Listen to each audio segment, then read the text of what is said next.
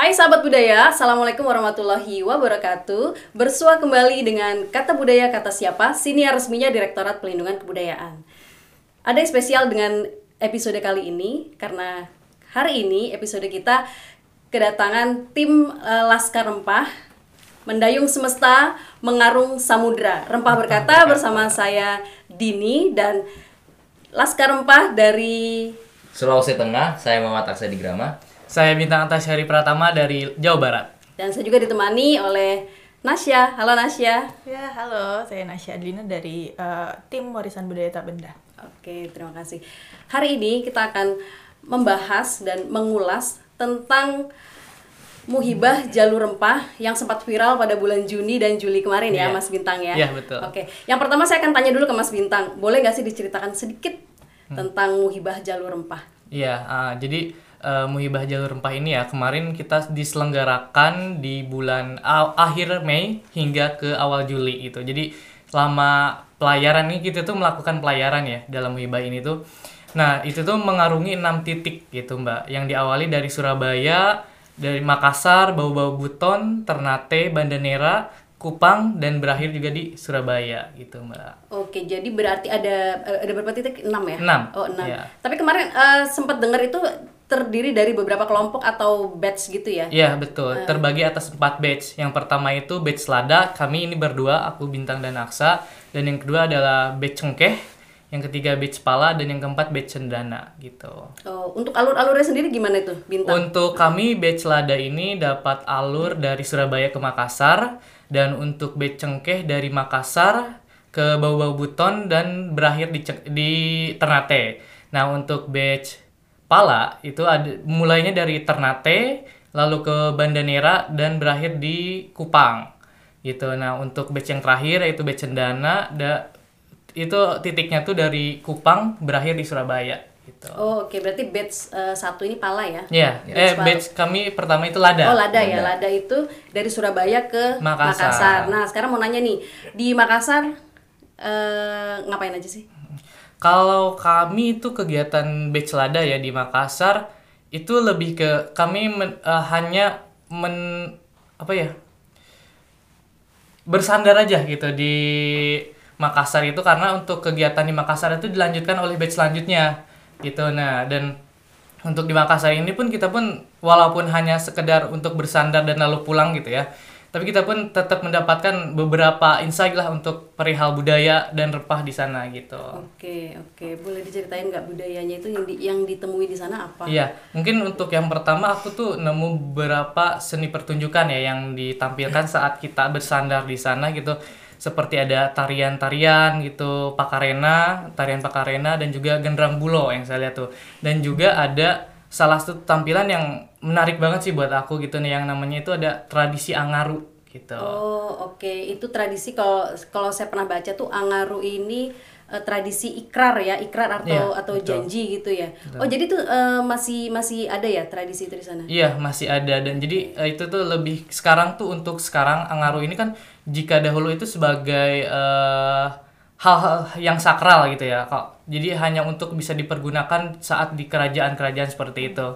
Nah kalau untuk sekarang jadi bisa dipergunakan ditampilkan saat menyambut tamu seperti itu. Jadi nggak seperti kaku seperti dahulu. Gitu. Oke. Sahabat budaya di sebelah saya ini ada orang asli. orang asli Makassar ya. Bugis. Oh, Bugis ya. Iya. Oke. Berarti eh, paham dan kenal ya dengan Eh, tradisi iya. Angaru ya. Ter- paham dan Nah, kita mau dengarkan langsung dari yang punya Makassar.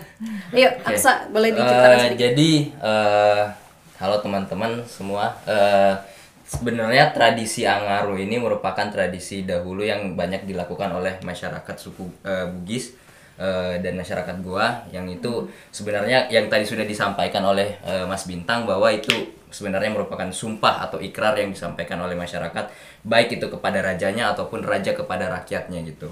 Nah, eh, dalam penyampaian ikrar tersebut te- terdapat syair-syair yang di, di mana syair-syair tersebut mengandung filosofi filosofi yang mendalam di mana memiliki eh, makna esensi kerelaan, keikhlasan dan kemudian pertanggungjawaban, pertaruhan da- dan lain sebagainya sehingga itu tuh tidak dapat disampaikan secara eh, cuma-cuma atau secara disampaikan eh, ya seperti biasa gitu. Tapi itu melibatkan keteguhan jiwa dan pertanggungjawaban dan harga diri juga. Karena di sebagaimana yang kita eh, di budaya Makassar atau budaya Bugis sendiri itu dikenal ada namanya budaya Siri Sirina Pace jadi itu merupakan budaya eh, harga diri seorang eh, suku Bugis Makassar untuk mempertaruhkan harga dirinya. Jadi ketika misalnya dia melanggar apa yang sudah dia sampaikan, ikrar yang sumpah yang disampaikan, maka harga dirinya itu jatuh. Jadi sudah tidak ada lagi eh, apa orang menganggap dia gitu. Itu jadi eh, masyarakat Makassar sangat kental gitu dengan eh, harga dirinya gitu. Dan juga sebenarnya budaya Angarung ini pada zaman eh, penjajahan dulu itu digunakan sebagai bentuk per- eh, tujuannya untuk mengobarkan semangat para eh, masyarakat eh, Makassar, masyarakat Bugis Makassar untuk ya berjuang melawan penjajah gitu. Jadi eh, nilai-nilai yang terkandung yang dijiwai dan diresapi itulah yang akhirnya mengobarkan semangat untuk ya melawan penjajah dan akhirnya eh, bertarung lah untuk mempertahankan tanah kedaulatannya. Gitu. Hmm. Berarti nggak nggak bukan hanya ikrar raja kepada rakyatnya aja Iya, ya. mm-mm. Oke. Dan bahkan sekarang ini budaya Angaru itu eh, lebih sekarang ya lebih banyak di- eh, digunakan itu pada acara-acara yang bersifat seremonial seperti misalnya pernikahan adat, t- kemudian juga acara-acara ser- seremonial ritual adat lainnya itu digu- digunakan apa penampilan-penampilan Angarung seperti itu gitu. Tapi sebenarnya esensi dari budaya Angarung itu sendiri adalah bagi sebenarnya maknanya adalah bagaimana kita ketika misalnya berucap bersumpah itu setia gitu pada apa yang berpegang teguh apa yang kita dengan apa yang kita sampaikan gitu. Berani nggak? berani harus berani budaya Berani, Wakat, ya. budaya Bugis harus berani Bintang kemarin eh, gimana kesannya waktu ngelihat eh, waktu waktu melihat ini ya? Menyaksikan langsung kan Iya, ya eh, menyaksikan tradisi langsung. Angaru. Karena kan Bintang dari Jawa Barat Jawa ya. Barat. Nah, Bintang ini Laskar Empah dari Jawa Barat gitu. Iya. Eh, termasuk beruntung ya. Da- eh, dua dari 160 Iya. Laskar ya? Eh berapa? Total? Untuk di Jawa Barat ini seleksinya dari 160 sekian yang terpilih 5 sih gitu. Oh. Untuk nasional kan total pendaftar itu 2000 ya, yang terpilih 169. Gitu untuk mewakili tiap provinsi. Oke, kemarin eh, gimana kesannya waktu menyaksikan langsung eh, tradisi Angaru itu? Karena di Jawa Barat kan masih nggak ada ya? Iya, Atau iya. ada mungkin dengan tradisi yang berbeda gitu? Ya betul. Untuk seperti eh, ucapan-ucapan seperti itu di, di kami juga ada gitu. Tapi untuk Angaru ini kan suatu hal yang berbeda juga kan. Maksudnya saya pun itu pertama baru pertama kali melihatnya gitu. Dan saya pun kemarin saat ke Makassar itu adalah kunjungan pertama saya ke tanah Sulawesi gitu. Ya jadi itu sangat berkesan juga lah buat saya. Apalagi kami yang setelah tiga hari berlayar berada di Laut Jawa gitu disambut dengan meriahnya gitu dengan budaya-budaya dari Sulawesi Selatan dan dengan adanya Angaru ini aku cukup wah ini unik juga ya budayanya gitu. Jadi seakan kan yang dalam Angaru ini disampaikan dalam bahasa Bugis juga gitu kan. Aku tuh seakan dalam saat itu juga penasaran banget itu isinya tuh apa sih artinya apa makna yang ada di dalamnya tuh apa gitu Eh, kalau aku boleh tanya, ya kalau misalnya Angaru itu itu eh, terkait sama satu ritual tertentu nggak? Apa dalam perkembangannya itu apa ada eh, perbedaan gitu perkembangan zaman? Mungkin dia praktiknya awalnya cuma sebagai sumpah atau atau justru tadinya dari ritual atau dari seni gitu? sebenarnya untuk eh, terkait Angaru ini di, di- dikaitkan hanya ritual tertentu sebenarnya enggak jadi sebenarnya esensi yang tadi eh, apa ritual Angaru itu kan sebenarnya sumpah ikrar jadi entah baik itu pelantikan entah itu misalnya dalam pernikahan entah dalam hal apa pun itu yang yang ber- yang memiliki istilahnya eh, konteksnya untuk janji saya Ah, gitu Nah, oke. itu Tentang jadi pertanggungjawaban tentang ya? pertanggungjawaban Oke. gitu kepada eh, satu pihak ke pihak yang lain Jadi saat kemarin kita sampai ke Makassar juga kan ini batch lada ya. Jadi seakan dalam proses Angaru ini tuh kita sebagai Laskar Empah yang datang ke Makassar dengan orang-orang yang menyambut itu kita tuh seperti yang datang ini tuh dijanjikan kita tuh akan diberi keamanan lah gitu sampai Iya. kita pulang ke daerah masing-masing gitu. Ya, betul. Nah, kalau untuk syairnya sendiri itu ada pakemnya khusus atau atau sesuai disesuaikan dengan misalnya kita mau eh, yang yang dicontohkan kan untuk ke medan perang gitu ya. Bahwa saya akan eh, saya bersumpah atau berjanji akan akan loyal gitu akan setia gitu dengan dengan negara ini gitu. Nah, kalau misalnya eh, untuk untuk ikrar atau namanya apa aru ya? Aru, aru kata dasarnya aru. Eh, kata dasarnya itu aru.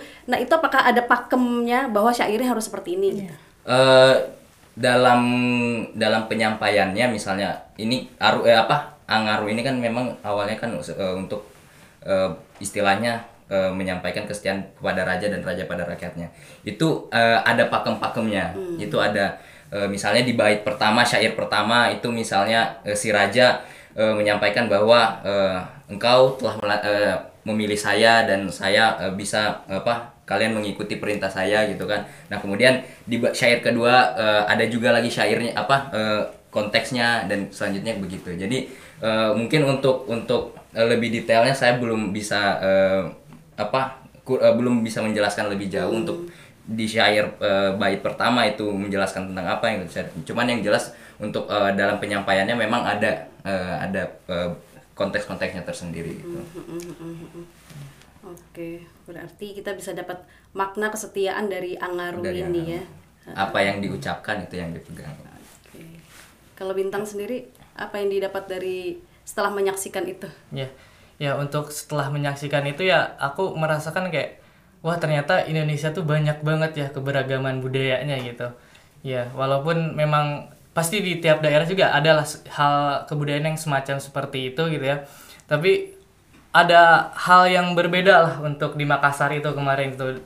Pertama memang menggunakan bahasa daerahnya masing-masing kan di balik historisnya juga tadi yang disampaikan oleh Aksa yang mana eh, tradisi tersebut tuh dahulunya digunakan sebagai janji ke- kesetiaan mereka kepada raja ataupun raja kepada rakyatnya gitu. Jadi itu sangat berharga banget sih aku bisa menyaksikan langsung dan mereka pun menyambut itu tuh eh, melakukan tradisi itu tuh untuk menyambut kami gitu. Itu sebuah kebanggaan sih buat aku gitu. Oke. Kalau menurut teman-teman masih ada nggak sih? Eh, artinya gini, Angaru itu kan ikrar ya, janji gitu. Menurut teman-teman eh, hari ini tuh masih ada nggak? Artinya kayak yang dibilang sama Aksa tadi, apa yang diucapkan itulah yang dipegang gitu. Masih ada nggak sih hari ini? Aduh, gimana tang kalau di generasi kita tang? Iya mungkin bisa bisa dikaitkan kan dengan mungkin kita punya pasangan kita tuh bisa berjanji Oh, gitu setia ya. Salah satunya itu. Iya itu. Makanya saya tantangin berani nggak gitu. Iya harus berani. Aksa aksa setia nggak nih? eh tapi balik lagi kalau secara adat gitu misalnya sudah men- mengucapkan tradi- eh, anggaru tadi ya itu tuh ada konsekuensinya lagi nggak sih secara adat gitu misalnya? Te- terlepas dari tadi kan memang ada filosofi budaya siri ya. Iya. Nah, namun kayak ada nggak sesuatu yang mungkin ada ibaratnya eh, nanti kalau nggak apa namanya nggak nggak mem- nggak me- Nggak melaksanakan, ya. melaksanakan, langsung kenapa atau Ada apa gitu secara konsekuensinya. memang Nah, secara eh, gitu. setahu se- sepengetahuan saya, sepanjang sepengetahuan saya, tentu kalau misalnya eh, dia sudah berjanji terus misalnya melanggar janji, tentu ada ada hukuman-hukuman tertentu, hukuman-hukuman secara adat gitu. Nah, yang mudah ditetapkan gitu. Nah, di samping ta- eh, budaya malu tadi itu Sirina Paca itu. Jadi eh, tapi sebenarnya yang bagi masyarakat Bugis yang lebih eh, istilahnya hukuman sosial yang paling berat banget bagi masyarakat Bugis itu budaya malu gitu. Jadi di mana kita sebagai manusia itu udah nggak dipandang lagi harga ada harga dirinya oleh masyarakat itu budaya itu hukuman terberat Konsekuensinya konsekuensinya moral moral, ya, moral. gitu. Oke. budaya siri itu malu sangat eh, kental di masyarakat Bugis. Tapi kalau sampai hari ini tradisi itu masih ada ya, masih terus masih terus lestari gitu. Iya di beberapa em, mungkin kalau di kalau di kota misalnya di kota Makassar atau misalnya dia di tempat-tempat inilah yang pusat kota gitu kan eh, itu mungkin eh, budaya ang- angarung ini lebih banyak eh, digunakan misalnya kayak ad- adat seremonial. Tapi eh, di di pedalaman lagi itu masih ada masih ada misalnya kayak di, eh, pernikahan ataupun misalnya eh, ritual-ritual adat lain itu masih ada di- digunakan untuk budaya Angaru ini. Mhm. Jadi masih melibatkan ke adat ya? Iya, gitu. masih melibatkan Kayak misalnya ke eh, dalam hal pemilihan eh, Kepemimpin, perangkat desa iya. seperti itu ya, atau atau, atau betul, pemimpin betul. gitu. Masih ini berarti tradisi ini masih tradisi dipakai masih ya? tradisi masih ada. Nah, cuman mungkin eh, ada ya mungkin seiring perkembangan zaman seiring mungkin eh, ke apalagi ke bagian kota yang ramai penduduk mungkin ya itu hanya se- eh, sayangnya ya gitu. Lebih banyak digunakan hanya sebatas seremonial dan ya sekedar masyarakat tahu pertunjukan wow ini. Tapi secara sebenarnya kan budaya itu kan apa yang sebenarnya esensinya gitu kan nilainya itu. Itu yang mungkin ada bergeser gitu. Kalau ini saya tanya ke uh, Aksa karena ini ya, karena asli dari sana gitu. Tuan tanahnya Sulawesi, Mbak. Generasi mudanya sekarang di, di sana itu terhadap tradisi ini tuh bagaimana?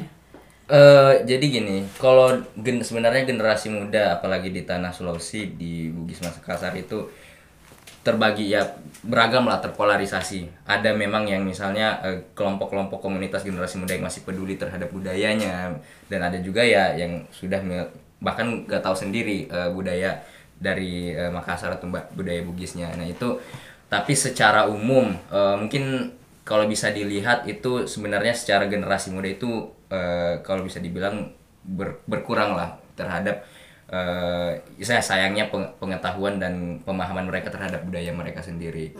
Nah itu eh, yang itu sebenarnya yang harus kita eh, coba untuk pertahankan dan kembangkan lagi kepada generasi muda. Caranya gimana? Yang udah, yang sudah dilaksa, langsung sudah yang dilakukan gitu sampai Eh sebenarnya caranya ada beragam, ada ber- eh, beragam macam sih. Bisa ber- berbagai macam. Eh, seperti misalnya eh, ba- kita menyesu sebenarnya kalau kita generasi muda ya tang ya eh, ngikutin apa yang menjadi eh, eh, interest dari anak muda itu sendiri. Misalnya Iya, kita eh, main sosmed atau enggak misalnya nonton YouTube atau ya berbagai macam lah yang dekat dengan interaksi anak muda. Nah itu mungkin eh, cara-cara untuk bisa mengenalkan kembali budaya-budaya eh, kita yang ada di Indonesia itu dengan ya itu eh, memanfaatkan perkembangan zaman yang dekat dengan eh, masyarakat eh, dengan generasi muda. Itu Betul salah sih. satunya. Nah, karena emang pergerakan kita ya sebagai Iya. Laskar Empat juga yang memang paling mudah dan bisa menjangkau banyak eh, orang gitu ya. Salah satunya melalui media sosial gitu gitu juga. Nah, dan juga kan kita ini Angaru itu termasuk budaya juga kan gitu. Nah, kita tuh dalam Laskar Empat tuh eh, punya lima pilar gitu. Nah, salah satunya budaya juga termasuk pilar yang menjadi fokus kami gitu. Nah, jadi itu tuh termasuk tugas kami juga gitu untuk meningkatkan eh, kepahaman atau minat mereka anak mu- anak muda Teman-teman ini kita ya. Iya, teman-teman kita ini untuk pedulilah dengan budaya yang ada di sekitarnya gitu. Iya, karena media sosial itu memang benar-benar media yang ampuh gitu ya, karena jangkauannya sangat luas Iya, gitu. Siapa sih sekarang yang nggak main media sosial gitu ya? Betul betul.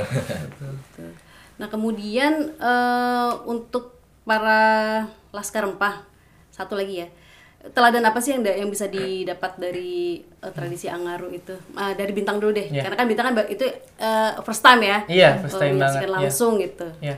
Eh, mungkin jika dilihat dari ini kan Angaru ini tuh sebuah janji gitu ya, sebuah ikrar.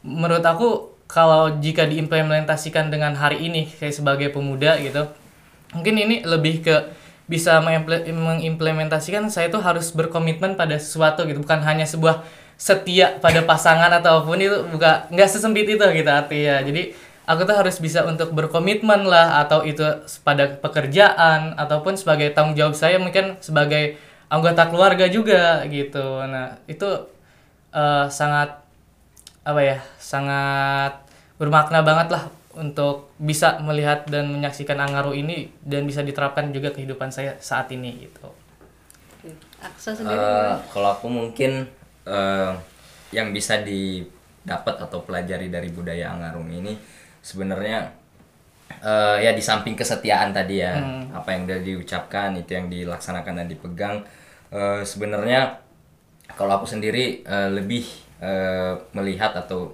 me- memaknai budaya Angaru ini dengan eh, kita sebagai misalnya diberikan ketika misalnya diberikan amanah atau hal-hal sekecil apa pun lah misalnya hal-hal sepele eh, itu kalau eh, sebisa mungkin dipertanggungjawabkan. Nggak mesti misalnya kita apa yang diucapkan itu yang kita tapi ketika misalnya kita diberi kepercayaan aja sama siapa pun itu baik besar ataupun kecil ya kita bertanggung jawab terhadap kepercayaan yang sudah diamanahkan kepada kita. Mungkin eh, aku ngelihatnya lebih lebih lebih ke situ sih. Dan sebenarnya eh, ini juga menunjukkan eh, sebagai jiwa kesatria gitu jiwa ya, berani bertanggung jawab dan amanah Oke, oke.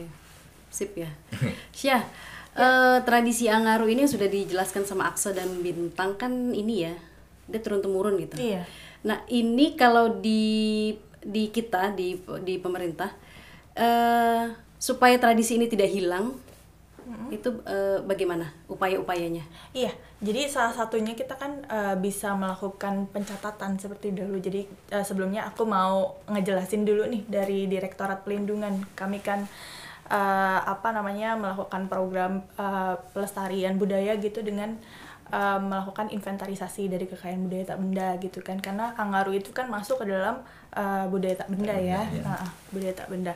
Nah, Nah, warisan budaya tak bendanya itu apa sih sobat budaya? Pasti kan pada belum tahu ya.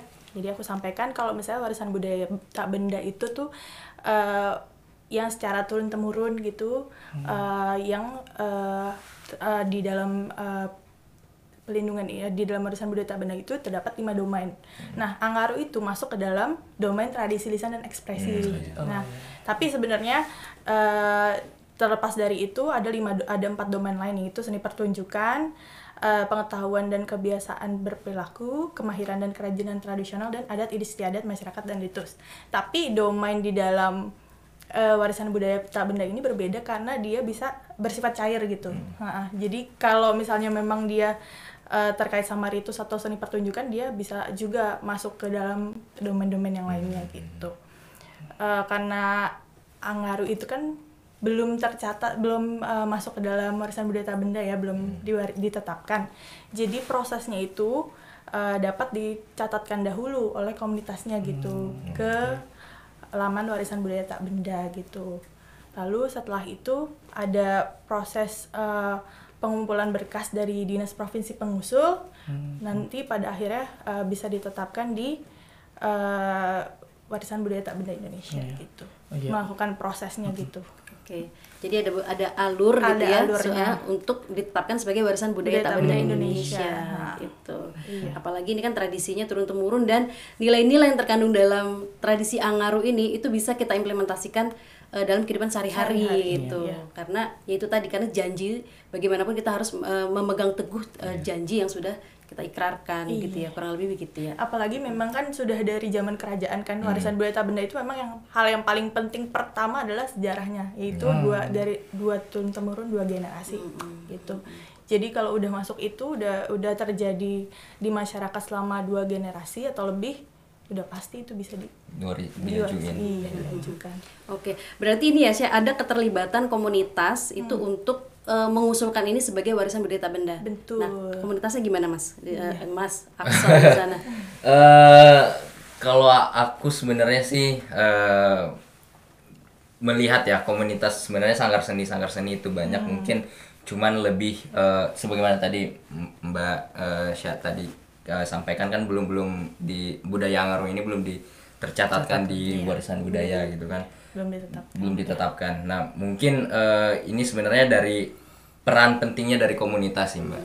Komunitas-komunitas pegiat budaya, pemerhati budaya dan paling penting juga adalah pemerintah daerahnya untuk bagaimana eh, mencoba untuk mendorong agar budaya Ngaru ini bisa diwariskan karena ya ini kan artinya budaya warisan yang turun temurun gitu kan. Jadi sangat kerentanan kelupa apa budayanya hilang itu sangat punah itu sangat sangat besar gitu besar, ya. dan mumpung masih itu ada di lestari eh, dan biasa ditampilkan pada acara-acara nah itu eh, mungkin segeralah di di didorong untuk bisa ditetapkan jadi warisan budaya Oke, oke.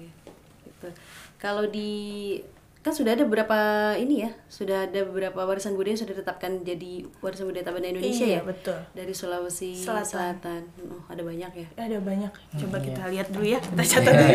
Nah, iya dan, Iya. dan, dan kebetulan juga nih Mbak, kita tuh Iya. Laskar Rempah tuh punya eh, salah satu tujuan ya, bahwa jalur rempah ini tuh ingin dicatatkan sebagai warisan budaya tak benda oleh UNESCO di tahun 2024 nanti gitu. Nah, itu salah satu tujuan besar kita lah sebagai Laskar Rempah gitu.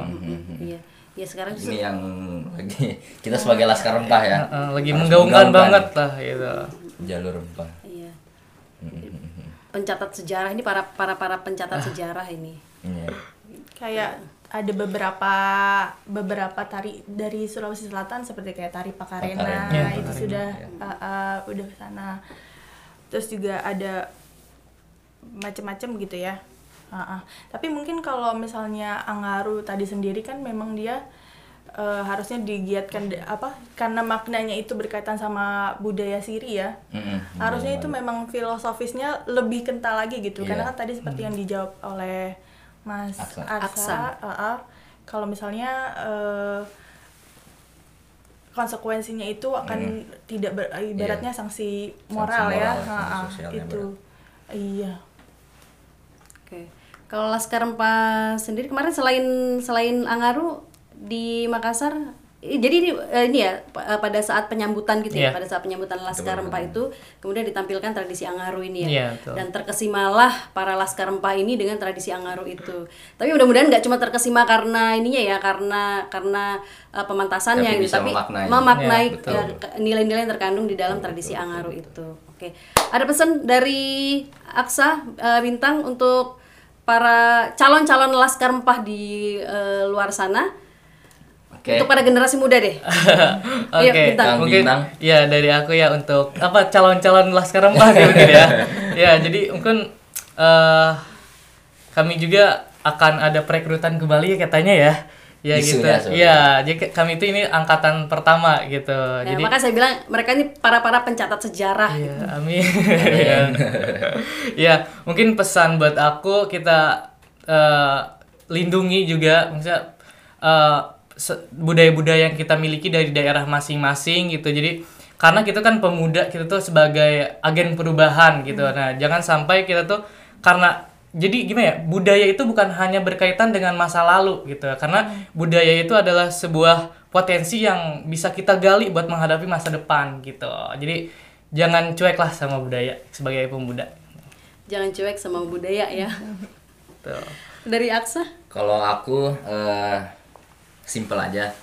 Untuk teman-teman eh, ya generasi muda di mana pun itu, entah itu eh, calon laskar rempah ataupun teman-teman yang lain generasi muda yang lain, eh, aku cuma mau pesan jangan ini deh, Eh, jangan malu sama budaya sendiri.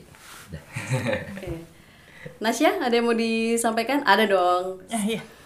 Iya, kalau menurutku ya sama eh, kita sebagai pemuda juga harus untuk eh, melestarikan budaya dengan berbagai cara gitu ya. Kayak misalnya mungkin kita bisa bikin trivia-trivia di Instagram gitu mengenai nanti kan tanggal 28 Oktober kan Sumpah Pemuda tuh. Nah, itu mungkin juga kayak angin-angin bisa dimasukin gitu. Betul, betul. Jadi kayak eh, dan mungkin dengan eh, sumpah-sumpah atau syair-syair seperti itu lagi di budaya lainnya gitu di provinsi lain yang mungkin akan banyak gitu kan kita tahu Indonesia sangat kaya gitu ya jadi itu bisa jadi salah satu kita untuk aktif untuk eh, melestarikan budaya gitu Oke, oke. Bintang ada yang mau disampaikan eh, terkait eh, para laskar rempah. Ini ada ada apa ini ya? Ada Iya. kenang-kenangan dari Muhibah Jalur Rempah ya? Iya, Bisa betul. diceritakan nggak sih ini? Ah, Eh, jadi kotak-kotak ini ini. tuh adalah sebuah sebagai jejak kaki kita gitu. Cerita Nah, perjalanan. Iya, cerita Oke, perjalanan. mulai dari yang ini, dari yang eh, batch Ini, lada ya. Yang, pertama, ya? batch lada ini yang banyak kertasnya mana sih? Ini nih. Nah, Nih. ini. Jadi di dalam kotak ini tuh ada berisi pesan-pesan kita akan harapan untuk jalur Boleh rempah ke kasih lihat depannya ke gitu. kamera. Boleh kasih lihat ke kamera. Nah, itu. Ini batch batch kita ya. Iya, itu Selada. batch kita. Ini batch lada. Ah. Isinya apa aja ini? Itu ada kertas aja sih har- harapan. Jadi walaupun kertas tapi harapannya besar-besar Iya. gitu. Semua semua harapan para laskar rempah ada di kertas-kertas ini. Iya, Oh, khususnya untuk batch pala gitu. Batch lada. Eh iya, batch lada. Batch lada ini Surabaya ke Makassar ya. Surabaya Oh. Makassar. Jadi Surabaya Makassar berapa berapa lama perjalanan ya? Untuk perjalanan laut kita tiga hari ya. Tiga hari. Tiga hari. Iya. Itu di di, di Empat tengah lautan. Iya di tengah lautan di laut Jawa kami. Han. Iya. eh boleh tahu nggak kemarin di pada saat di KRI ya di KRI, KRI Dua Ruci, itu kayak aktivitasnya ngapain aja di sana? Aktivitasnya banyak ya. Banyak. Oh jadi nggak bosan ya? Nggak Iya bosan. nggak Oh. bosan. Karena saya pengalaman, karena saya kan orang seberang juga ya. Iya. Jadi punya pengalaman kalau misalnya menyeberangi Selat Sunda itu dua jam itu terasa lama sekali ya. Iya. Ini tiga hari loh, tiga hari berada di tengah-tengah samudra. Oh Iya. oke. Jadi di dalam ngapain? Eh, nulis gitu ya? Iya, atau- kita ya rutin juga kita tiap malam itu melakukan pencatatan misal kegiatan kita hari ini apa aja gitu. Jadi kemarin juga selama tiga hari di kapal itu banyak kegiatan yang kita lakukan seperti ada simulasi kebakaran juga kayak gitu. Terus juga ada eh, pemberian materi untuk menyelam gitu. Terus juga ada apa yang sangat berkesan banget tuh peran layar ya, Aksa. Iya, peran Iya, peran layar tuh jadi semua layar yang ada di KRI Warucu itu dikembangkan gitu. Nah, dan kita berkesempatan buat naik ke tiang. Oh iya, Mm, Iya, tiang tiang layar KRI tersebut. Mm-mm. tingginya berapa meter itu? Apa ya kira-kira? Berapa ya kira-kira? ada ada yang berani naik ke atas. Semuanya Semua sa- berani. semuanya mencoba. Malah penasaran ya. Kita Penasaran. sa- saling rebutan pengen Iya. duluan-duluan. Tuh, jadi aktivitasnya aktivitasnya juga bermacam-macam ya, Iya. teragenda gitu ya. Betul. Mm, Selama tiga hari berada di tengah lautan. Iya, pulang-pulang ya. gosong, Mbak. Pulang-pulang. Kejemur gitu. Oke, itu tadi batch eh batch, Batch Lada. Batch ya. Lada. Kemudian eh, et- estafet selanjutnya di Batch cengkeh. Batch Iya, cengkeh. ini yang mana ya yang cengkeh? Batch Cengkeh. Batch cengkeh itu Makassar, Makassar, bau-bau buton, ya, Ternate. Sampai ke Ternate, oke. Ini Iya. batch cengkeh nih. Ini tulisannya batch cengkeh. Oh, ada tulisannya mereka itu. ya, jadi Bener, tiap tiap batch punya signaturenya masing-masing lah gitu. Iya. Kemudian dilanjutkan dengan Lanjutkan batch pala. Batch pala, ini batch pala nih. Itu ada unik sih isinya ada apa itu? Ada Minyak iya pijet. minyak, minyak angin Iya. masuk. Soalnya ini batch batch pala ini tuh batch yang paling kacau deh ka- kapalnya karena mereka tuh kan melewati ya, Laut laut Banda. Banda itu wah luar biasa sih ombaknya sampai tembus 7 meter itu tingginya. Kok kami kan laut Jawa aman-aman aja ya. cerah kita. Iya, cerah. gitu. Dan terakhir batch, batch cendana.